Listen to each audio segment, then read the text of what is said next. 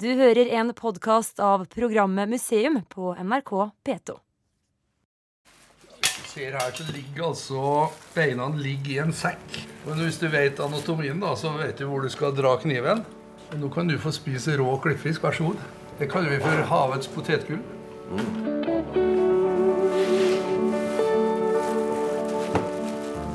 I løpet av noen minutter har Knut Garshol med fantastisk håndlag renskåret et praktstykke ferdig saltmodna klippfisk av ypperste kvalitet. Det var nydelig. Det skulle ikke vært noe dumt å ha en liten akevitt. Vi har altså noe som kalles for bacalao-akevitt. Takket være Halvor Høeg. Tidligere sjefsdestillator på Vinmonopolet, ja. Ja, Han hadde vi kontakt med, vet du. Å, det var eh, bedre enn potetgull.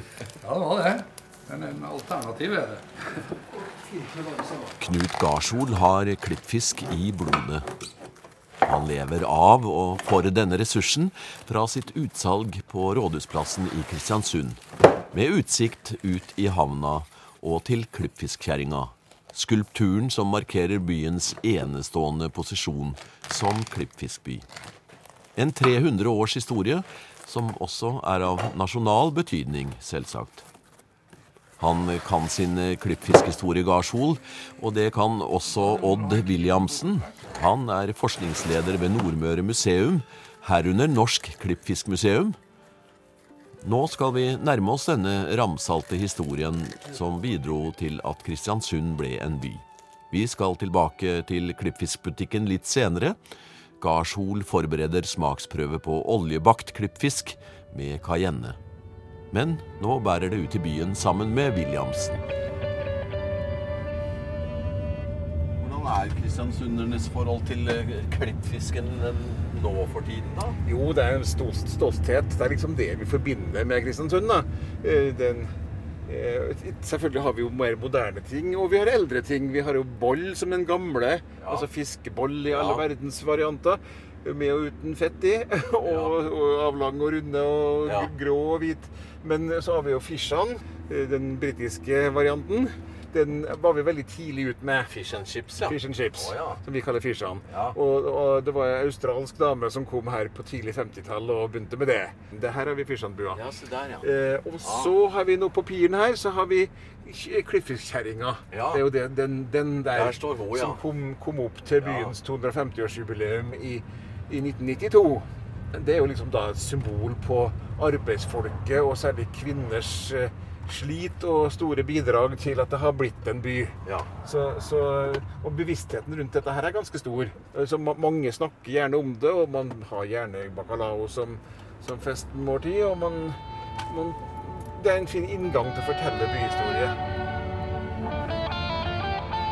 Vi skal på Norsk Klippfiskmuseum, kjøre dit nå, og der vil man jo se på gamle flyfoto fra, fra før krigen, da, hvordan byen var dominert av tørkeplasser for, for klippfisk. Da kjører vi over eh, på baksida av Mellomverftet, som er et seilskuteverft. Der var det veldig mye eh, fartøy som hadde tilknytning til slofarten. Eh, altså dette her med å hente råstoff, hente saltfisk i Lofoten og senere også i Finnmark. For det, det var et veldig tidlig mangel på, på råstoff. Altså det, det, det, man baserte seg jo opprinnelig på, på lokal torsk. Men eh, Starten, ja. så tidlig som Ja, og man var jo i gang allerede i 1735. Altså Først så Jappe Ippes 1690, men han, han måtte gi opp etter sju år. han. Så ble det en pause til 1735. Da kommer skottene. Og de holdt det da gående med lokal fisk fram til 1790. Da måtte man begynne å hente fisk lenger unna fra. En helt egen eh, type jobb å være slo, slo, slofart, eh, skipper og mannskap. Så Slofarten har vært eh, en, en viktig næring og en viktig arbeidsplass for, for mange kristiansundere. Mange som starta sin karriere som sjøfolk på den måten. Men du, det var, byen var parat da når fisken kom i, i februar, da. Nemlig, og da var det veldig mange tilreisende som ville eh, jobbe i denne industrien. For dette her var jo en industri i realiteten, selv om det ble klassifisert som, som primærnæring, som fiske. Og derfor så, så gjelder jo ikke eh, arbeidervernlover og barnearbeid og restriksjoner og sånn. Ja, her er vi kommet fram til Norsk Klippfiskmuseum. Her er en stor, hvit bygning. Nordmøre museum. Norsk Klippfiskmuseum. Da får vi gå inn.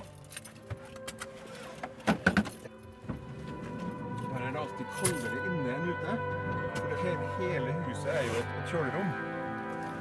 Velger mellom skråplan og trappetrinn. Vi får gå.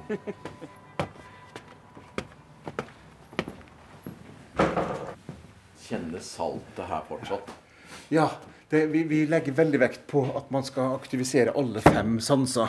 Uh, og derfor, ja, her, og her, også de to språkene da vi kjører både spansk og portugisisk. Ja, selvfølgelig. Og for portugisisk er jo faktisk det, det, det dominerende språket innenfor de som kjøper denne varen her. Ja.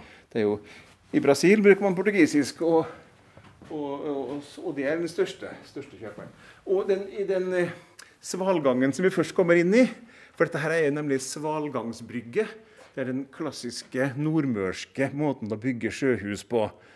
Der går det altså en korridor foran de mange bodene som er innerst. Og hver bod er da tømra opp, lafta opp, rett og slett. eh, Og forankra til fjell først. Så bygger man gangen utafor etterpå. Og Opprinnelig så var det heller ikke yttervegg.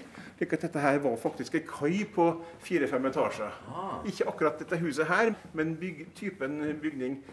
Så har vi her i inngangen har vi da denne utstillinga fra historiske toll- og skipsanløpslister, som prosjektet heter, som var for noen få år siden, som laga ei flott utstilling som heter 'Det sanselige 1700-tallet'.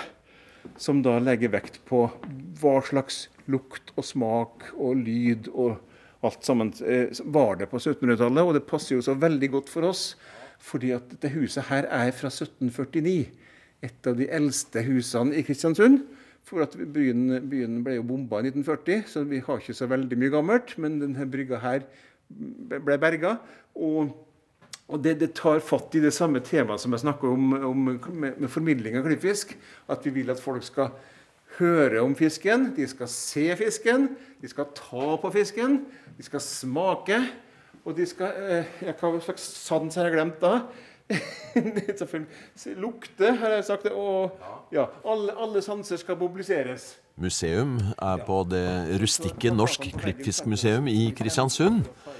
Forskningsleder Odd Williamsen i Nordmøre museum guider oss, og han er ustoppelig. Men vi rekker bare over en brøkdel av museet og klippfiskhistorien. Bare så det er nevnt, Williamsen ga nylig ut en bok om en av klippfisknestorene. Den har tittelen 'Nikolai Heinrich Knutson den tredje. Klippfisk, verdiskapning og samfunnsbygging'. Og nå er vi kommet opp en etasje. Stort bygg. Ja, 5000 kvadrat. Oi. Det er enormt. Og til å være så gammelt. Og den, den fløya vi kom inn i, den sa jeg var fra 1749. Den fløya vi er i nå, som står vinkel, vinkelrett på, den er fra 1870. Her har vi et interessant bilde som, der vi har huset som vi er inne i nå. Mindbrygga i bakkant. Ja. Og så ser vi oppover i terrenget hvor, hvor svært området som var dekt med fisk, og hvor mange som jobba der. Gjorde man sånn eh, an, i andre steder av verden òg? Du har snakka om Canada uh, er nevnt. Canada, ja, ja. Og det var jo der de, man lærte seg dette her. Det var der, der det var utvikla. For altså, oppfinnelsen av klippfisk den er veldig gammel. Det er 1400-tall. Og det er samtidig i Baskeland, på grensa mellom Frankrike og Spania, i Vis- Ja. Det er derfor det heter bacalao viscaina, som er den, den måten vi lager bacalao på. Og, og midt på kysten av Portugal, Aveiro-området, der begge steder så hadde de veldig god tilgang på gratis høykvalitetssalt. Sånne saltmyrer der du kan ro ut med en flatbunna pram og bare måke med spade så mye salt du vil ha. Og så, så tidlig som 1400-tallet så var det torsk i havet utafor. Så de utvikla tenkemåten og, og, forst- og hvordan man skulle preparere torsken for å, for å ha, være holdbar i mange år. Konservere ja. Konservere, Dobbeltkonservere, altså Ja. både salte og tørke. Så ble det etter hvert var, varmere hav og, og mindre råstoff. ganske tidlig så måtte man ut på havet for å finne fisk. Og etter hvert så kom man helt over til Amerika. Folket fra eh, Spania, Portugal og også andre europeiske land etter hvert, de begynte i stor stil å produsere klippfisk i Nord-Amerika. På bankene utenfor Newfoundland, det nyfunne landet, det Terra Nova, som Jappe Ippes kalte det, eh, så var det den største torskestammen i verden. Og det var det i, i hundrevis av år. Men når kom det hit, da? Jo, så kom da eh, Altså Jappe Ippes han var, var en forløper som holdt på med dette her i syv år fra 1690. Men han fikk ikke noe lønnsomhet ut av det. Men så kommer da skottene i 1735 og utover. Med John Ramsay og William Leslie og William Gordon og, John Milne og masse. Og de kjenner hverandre fra før, kommer fra samme område, rundt Banff, mange. Er rike når de kommer, og blir styrtrike når de reiser igjen. For de får 20 års skattefrihet. Eh, Staten velger å definere dem som reformerte, altså kalvinister. Som da det er synd på, for at de er forfulgt av religion. Eh, Det passa dem veldig godt å få den statusen, for da kunne de altså bidra med sine investeringer og sin kunnskap. Så kunne de ta ut alt de greide å skape av profitt i- på 20 år, kunne de ta med seg ut igjen. Så, så slik foregikk det da fram til napoleonskrigene, og litt før der. Da skjer det et skifte der det folk fra Flensborg som overtar. Sørdansker, altså det som den gangen var Danmark. Samme, samme nasjon, samme, samme konge iallfall som, som vi hadde. Og de store navnene fra den tida, det er jo Knutson og Johnsen, men også mange andre. Som da overtok hegemoniet og holdt det gående til et stykke utpå 1900-tallet. Iallfall, iallfall en sånn 200-300 års eh, lang, lang historie. Med, med stadig nye aktører, men, men hele tida økning i, i volum og omfang. Og mer og mer dominerende for byen. Så den, den kristiansundske overklassen har alltid vært utlendinger. Det er ganske sterk jantelov. At det er liksom en naturlig Altså det er unaturlig å, å starte noe nytt hvis du er herifra. Det er alltid en utlending som skal være sjef, som skal bestemme.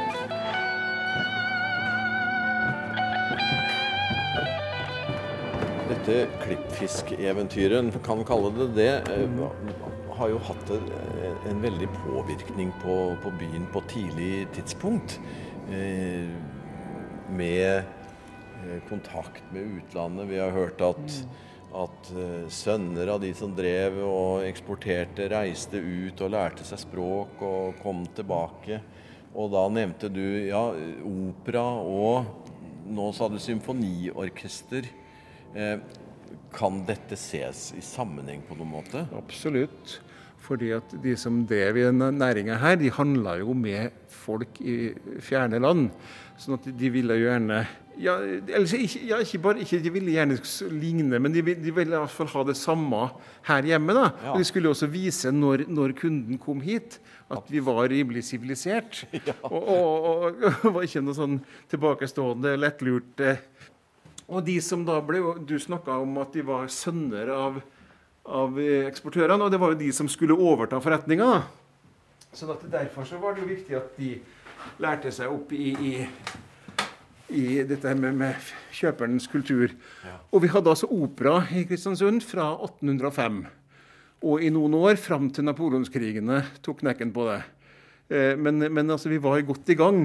Og, og et enda viktigere poeng det var alt som ble tilført av, av materielle ting. Altså, eh, fordi at man hadde gratis frakt. Altså, Man hadde jo en enorm eksport. 300 000 tonn. Det er formidable mengder. Med skip. Ja, med ganske små frakteskip som gikk ut, ut herfra. Eh, og, og da var det jo veldig god plass på returen. Nettopp. Sånn at hvis de som hadde penger, ville ha svære flygel, piano, andre musikkinstrument, tapet, klær, malerier, bøker, møbler, altså bygningsdetaljer, så, så fikk man tak i det. det, det, ble, det. Sånn at byen var full av importert kulturgods. Interessant, Ja, altså. fordi at det var gratis frakt. Ja. Man betalte det samme som det kosta i Hamburg eller i Paris. Så det, vi har eksempler på at vi har taffelklaver, eh, på, på museet her som ikke eller, Fra en fabrikk i Frankrike der det ellers ikke er registrert i Norge. Av den grunn. Det er en kuriositet, men litt viktig poeng for å forstå, for å forstå dette her i kulturmøtet. Ja. Uh, ja, og, og, og, det var sånn konkurranse om å ha det siste nytt i, i tapet og, og, fine klær og sånt. Og kristiansundere er jo kjent for å skifte klær flere ganger for dagen, og man hadde mye å velge i. De, de rike, ja, som den vesle overklassen som kunne holde på sånn, de, de, de tok en ganske langt ut. Da Vi snakker ikke ja. om kvinner som uh, måtte snu uh, fisken på fjellet Nei. mange ganger for dagen. De hadde ikke råd til sånt. Men, men uh, det fantes i byen. Her er et flyfoto fra, fra april 1940. Kirkelandet her, og her er vi nå, på Gommalandet. Ja. Nordlandet her som det er Altså dette er før Eller det er mens de bomber, faktisk. Det viser jo hvor Det er tyskerne som har tatt det bildet her, da? Ja, rett og slett dokumentasjon av hvor de traff hen på den turen. Men, men, det som da Grunnen til at vi har det her, det er at, at det viser hvor store deler av, ja. av Gombaladene bak brygga her oppover i terrenget ser du jo så var reinskurte berg. Nesten, det, det, fremstår som nesten hvitt på bildet. Ja. I forhold til uh, fjell som ikke er brukt. Ja. Og Det samme har du her på, på Nordlandet. Men iallfall store deler av byen, og ganske sentralt, var, var tørkeplass. Og derfor så skifta byen farge i løpet av dagen. Så de starta om morgenen med å legge eh, skinnsida ned. Og da var, da var kjøtt, kjøttsida opp og lys. Byen, byen var lys. Og så etter en stund, ti, time eller noe sånt, etter, litt etter, avhengig av, av temperatur, regn, sol, klima, eh, ja. så kommer eh, skinnsida opp, og da er det mye mørkere. Ja. Så da hele byen skifta karakter. For det, man snudde, snudde samtidig. Utrolig, ja. Og så lukter det selvfølgelig fisk. Det lukter saltfisk. Intens fiskelukt. Sånn at det, var, det satte veldig Vi kunne fortsatt lenge på Norsk eh, Klippfiskmuseum. Men vi må tilbake til Knut Garshol i klippfiskbutikken på Rådhusplassen i sentrum, der han er i gang med smaksprøvene. Så må jeg bare skyte inn at brokken av musikk som er med i dette programmet, er Bølger av og med kristiansunderen Frode Alnes. Klippfisk er mat, den er elsket over store deler av verden. For meg er høsten tid for en bacalao eller to. Garsol har et vell av oppskrifter og er både opptatt av maten og historien, og vi skal få vite litt mer om det unorske navnet Jappe Ippes, som har vært nevnt flere ganger. Han var hollandsk eh, kjøpmannssønn fra, fra, Trondheim. Han kom opprinnelig fra Hindeluppen i Holland. Og Faren eide ei stor brygge i Trondheim og eh, kom hit og hadde med seg salt etter å ha vært i Amerika, Nord-Amerika, og lært seg å se hvordan de tørka fisken, baskerne som var der og portugiserne da, som var der. da. Og Så kom han hit, fikk kjøpt en gård på Tusna i Evry kommune, og der starta det. Men den første tollboden som han eksporterte fisk fra, i 1691, den ser du ut gjennom vinduet her. Det hvite huset med det gule huset som eh, ja. Frode Alnes starta Dødeladen kafé i. Det er de to husene hvor fisken som først ble eksportert eh, i større mål, eh, i 1691 ble det første eksportert. Og fortsatt i dag så produseres det masse fisk både på Tusna og på Averøy. Og ikke minst på Sunnmøre, på Ellingsøya på Sunnmøre. Det er fortsatt en kjempestor eksportindustri. Det hadde jo ikke vært noe by her uten, kan man si, men så kan man også si at det hadde jo vært noe annet, da. Hvis, ja. hvis ikke klippfiskene hadde funnet oss. Men det var faktisk dem som ville starte med klippfisk i Norge, som fant stedet her og, og slo seg til her det var lite virksomhet her fra før. Og det har igjen en lang historie hvorfor det var sånn. Det var, hadde noe med, med erkebiskopen i Nidaros og noe makeskifte, og at man ikke ville ha bydannelse så sjenerende nær Trondheim. Men i hvert fall, Det er en lang historie som vi kan la ligge nå, men, men i hvert fall så, så, var det et ledig sted på kartet som de starta med klippfisk. Og, og etter hvert ble ganske fort ganske svært. Veldig mange, og opptil 10 000 mennesker flytta jo hit utover 1800-tallet for å jobbe med dette her. Så byen er basert på klippfisk. Føler du at du står i en, på en måte en, eh, en, eh, en flott tradisjon? Ja. Står i kapellet nå. Kjenner lukta i tillegg, da. Ja. ja det er fantastisk. Ja. Eh, det, er, det er veldig mange tradisjoner. Blant annet bestemora mi hun sa aldri tomatpuré, hun sa pomidori. Og fortsatt så så sier kundene som kommer inn og skal ha paprika på boks, de sier 'Har du pimientos?' Har du spansk pepper? Ingen som vet hva cayennepepper er, men spansk pepper vet de hva det er for noe. Så språket er påvirka her òg. Selv språket er påvirka. Ja. Men eh, bacalao er jo ikke noe norsk navn. og Hvor det- oppsto den? Eller Den- kan du si noe om, om, om, om retten, rettene og bruken? Yes. Om det har vært noe utvikling fra gammelt av? Hvordan var de helt i starten? Eh, For det første, Kristiansunderne spiser jo saltfisk og stappe, altså avkokt klippfisk med potetstappe, smør og flesk og gulrot fra Smøla. Eh, I 1820-24, rundt der, så kom spanjolene til Kristiansund. Det var to båter som kom hit første gangen og kjøpte klippfisk direkte. Og fra da av, når de begynte å komme, så kom det en rett med sjøfolkene. Og det står i ei bok som de har på museet, at eh, kjøpmennene lot spanjolene eh, låne sine bårstuer på land. Og de der kokte og braste de, så det luktet hvitløk og olje opp etter alle smug, står det i ei bok. Og, og da vet du, så fikk kokkene i Kristiansund retten inn gjennom eh, en liten klem eller et kyss eller noe sånt. Og da satt retten. Og den heter opprinnelig bacalao a la viscaina. Klippfiskgryte fra Baskeland. Men etter å ha vært her i et par hundre år nå, så, eller ja, snart 200 år, så heter den jo bacalao Kristiansund, det beste varianten. Men det unike her, det er at spanjolene, når de lager bacalao i Skaina, bruker brød. Men i Kristiansund og ellers i Norge, og i Møre og Romsdal spesielt, så lager vi den med potet. Og det var jo portugiserne som kom med den da, litt tidligere.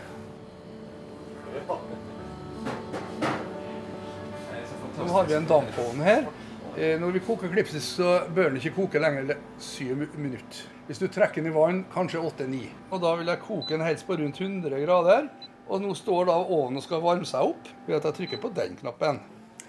Så går vi bort, og her har jeg da vanna ut et stykke av den tjukkeste fisken. Som da heter ryggstykke. Den går fra gattet og opp til nakken. Det vi skal gjøre nå, vi tar bare og skjærer fisken i sånn centimeter tykke strimler. Så legger vi den i ei eh, stålbakke. Og så tar vi på litt hemmelig Jeg har bare en liten flaske, jeg, da. Olivenolje, ja. Sånn. Du sparte ikke på den. Nei, vi sparer aldri på noe når vi lager god mat, vet du. Eh, I tillegg så har jeg da litt eh, cayennepepper. Eh, det står i Skjønberg Erken veldig store oppskrifter, men det her er da en kilo cayennepepper. Bare en lite dryss røde prikker. Når jeg lager en rett her, så bruker jeg da ofte soltørket tomat. Jeg bruker hvitløk, pasta, liker tomater, bruker pimientos, altså paprika. Og så bakerst så har jeg tomatpuré, hvis det er noen som vil ha litt rødere, men jeg liker den uten tomatpuré. Så det som vi har her nå, da, det er rett og slett et, en eh, stålbakke med olivenolje, ryggstykke av klippfisk, og så blir det her da bakt inni ovnen. Legger vi den inni der. Trykker vi på knappen. Men i alle fall så er det en veldig fin måte å koke klippfisk på i ovnen. Du kan bruke en vanlig komfyr med varmluftsovn. Ikke for mye varme, men ikke heller lenger enn maks 7-8 minutter. tar du frem sølvtøyet her, ser du. Da stopper vi ovnen. Jeg vet ikke om du hører lyden her nå. Skal vi se Den fisken her er nå sortert i olje. Og Her er det ikke noen grønnsaker. Åh, Men det går fort an å ta en liten bit. da, vet du. ja. Det her blir jo fin lunsj, det nå.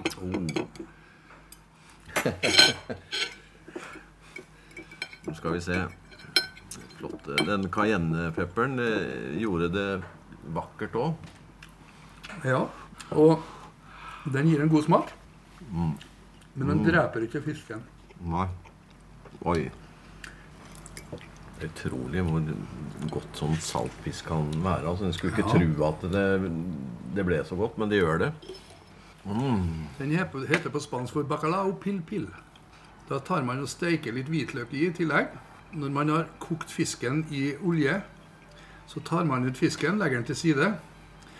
Og så rører man på svakere og svakere varme til fiskekrafta av olivenoljen eh, emugulerer. Ja. Og så blir det en sånn kremsaus. Og da smaker det. Men eh, Jeg tar et stykke til, ja. Oh. du kan sågar få ei skje hvis du vil. For da får du med det gode nedi. Enklere kan man ikke lage fast food.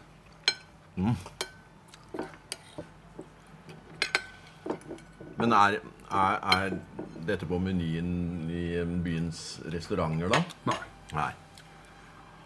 Det her er sånn som man lager når man eksperimenterer og lager litt sjøl. Men jeg tenker klippfisk i sin Klippfisk i sin helhet er ja. Og eh, mange De beste restaurantene vi har, for å si det sånn, er nesten alle